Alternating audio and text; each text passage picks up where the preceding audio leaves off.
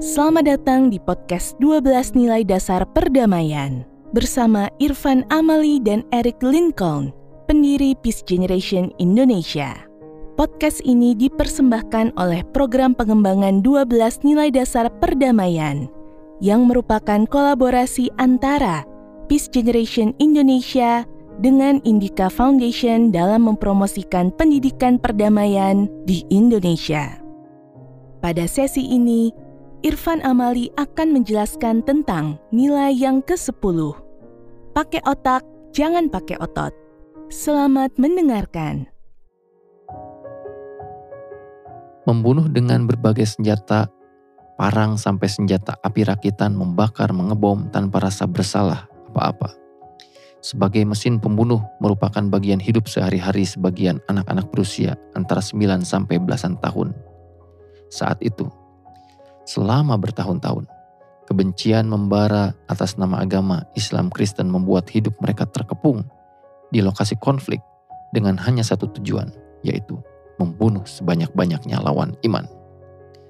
Pusaran konflik yang begitu dalam membawa mereka hanya pada dua pilihan, dibunuh atau membunuh. Dua di antara mereka adalah Ronald Reagan dan Iskandar Slamet. Mereka menceritakan perjalanan mereka menjadi tentara anak di garis depan saat konflik Ambon, yaitu konflik antar Muslim dan Kristen yang berlangsung beberapa tahun di awal tahun 2000-an.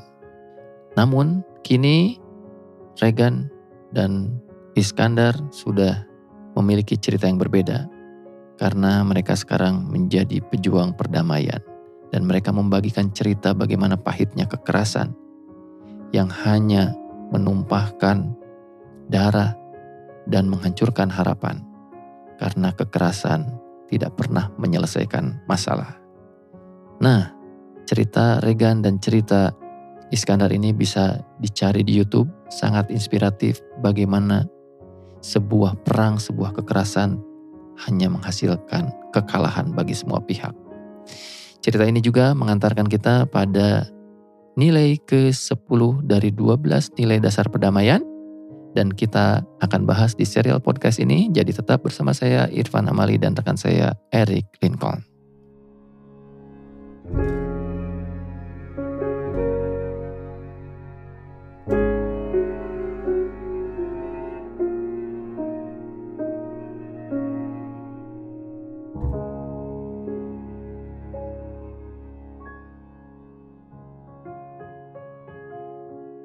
Berjumpa lagi dengan saya Irfan Amali dalam serial podcast 12 nilai dasar perdamaian dan tidak terasa kita sudah sampai pada nilai 10 yaitu pakai otak, jangan pakai otot. Ini yaitu tentang kekerasan. Tadi sudah mendengar cerita inspiratif dari Regan dan Iskandar yaitu mantan tentara anak saat konflik Ambon yang mengerikan. Nah, Selama konflik Ambon itu terjadi, anak-anak tidak bisa sekolah, pembangunan berhenti, ibadah tidak tenang, dan itulah akibat dari kekerasan.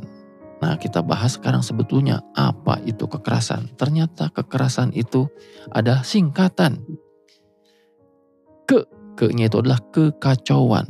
Pada kekerasan itu terjadi kekacauan. Asalnya tertib, asalnya hikmat, asalnya rapi, semuanya menjadi kacau sekolah menjadi kacau, pemerintahan menjadi kacau, kehidupan budaya menjadi kacau, pasar menjadi kacau, ekonomi menjadi kacau. Itulah sifatnya kekerasan, selalu menjadikan kekacauan. Kekerasan, ke pertama kekacauan. Ke ke. Nah, ke yang kedua adalah kehilangan kesempatan. Karena kekerasan banyak orang yang menjadi kehilangan kesempatan, kesempatan untuk belajar Regan dan Iskandar tadi menjadi tidak bisa belajar. Usia mereka belasan tahun seharusnya menimba ilmu tetapi mereka menghabiskan waktunya untuk saling berperang membuat senjata dan saling membunuh. Nah, dengan adanya kekerasan, kesempatan untuk menimba ilmu, untuk belajar menjadi hilang. Dengan kekerasan juga, kehilangan kesempatan untuk berdagang, bertransaksi, melakukan kegiatan ekonomi karena pasar ditutup, barang-barang produksi berhenti, konsumsi susah, distribusi terhambat. kehilangan kesempatan, pembangunan terhenti. Ke yang kedua itu adalah kehilangan kesempatan, kekerasan, rasan, rasa no good, rasa yang tidak nyaman. Saat damai kita begitu nyaman melakukan apa pun. Tetapi ketika situasi kekacauan, kekerasan itu menjadi rasa no good, menjadi tidak tenang. Belajar tidak tenang, ibadah tidak tenang. Bahkan ketika di Ambon itu mungkin setiap kali beribadah khawatir ada penyerangan dari kelompok lain. Jadi rasa no good. Tanyakan pada orang-orang di daerah konflik bagaimana rasanya hidup dalam ketakutan. Tidak ada yang suka dalam kehidupan, dalam situasi ketakutan. Maka kita harus menghindari kekerasan. Sekali kita melakukan kekerasan, maka buah busuk kekerasan itu tadi kekacauan, kehilangan kesempatan, rasa no good itu akan hadir menggantikan suasana damai. Ya. Jadi itulah kekerasan. Nah, ini ada beberapa quotes yang menarik dari beberapa tokoh perdamaian tentang kekerasan ini. Nah, situasi kekerasan itu kita harus hentikan bukan lagi dengan kekerasan lagi, tetapi kita harus menghentikan kekerasan dengan non kekerasan atau near kekerasan.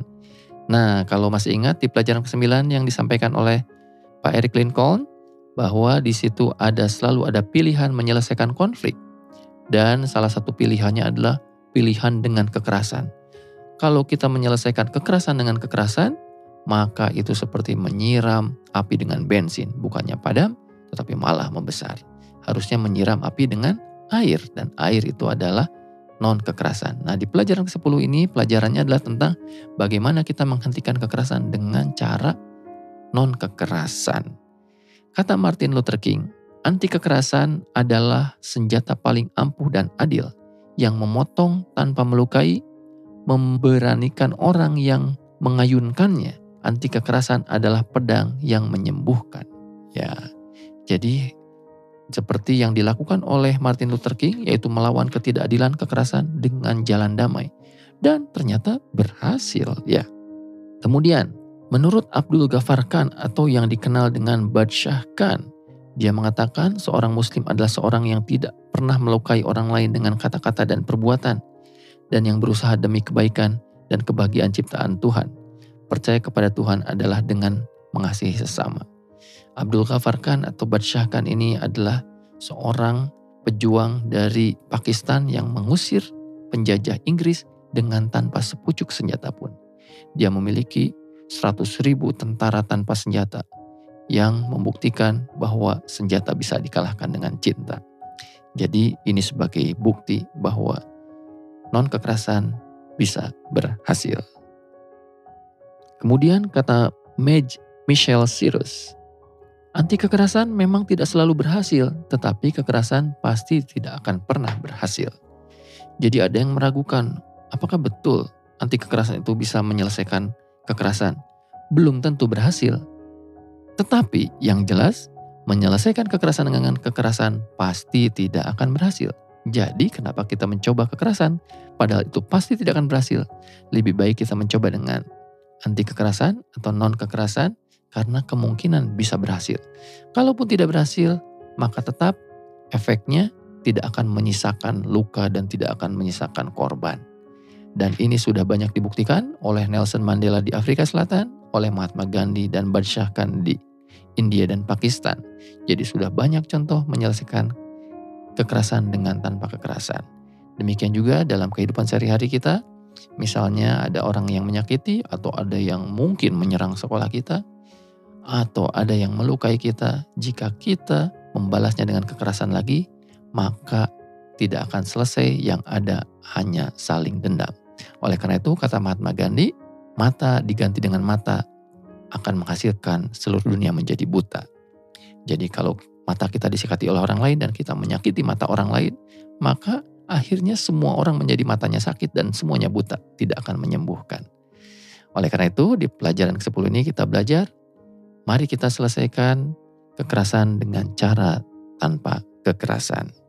Ikuti terus nilai-nilai berikutnya dari 12 nilai dasar perdamaian. Masih tetap bersama saya, Irfan Amali dan rekan saya, Eric Lincoln.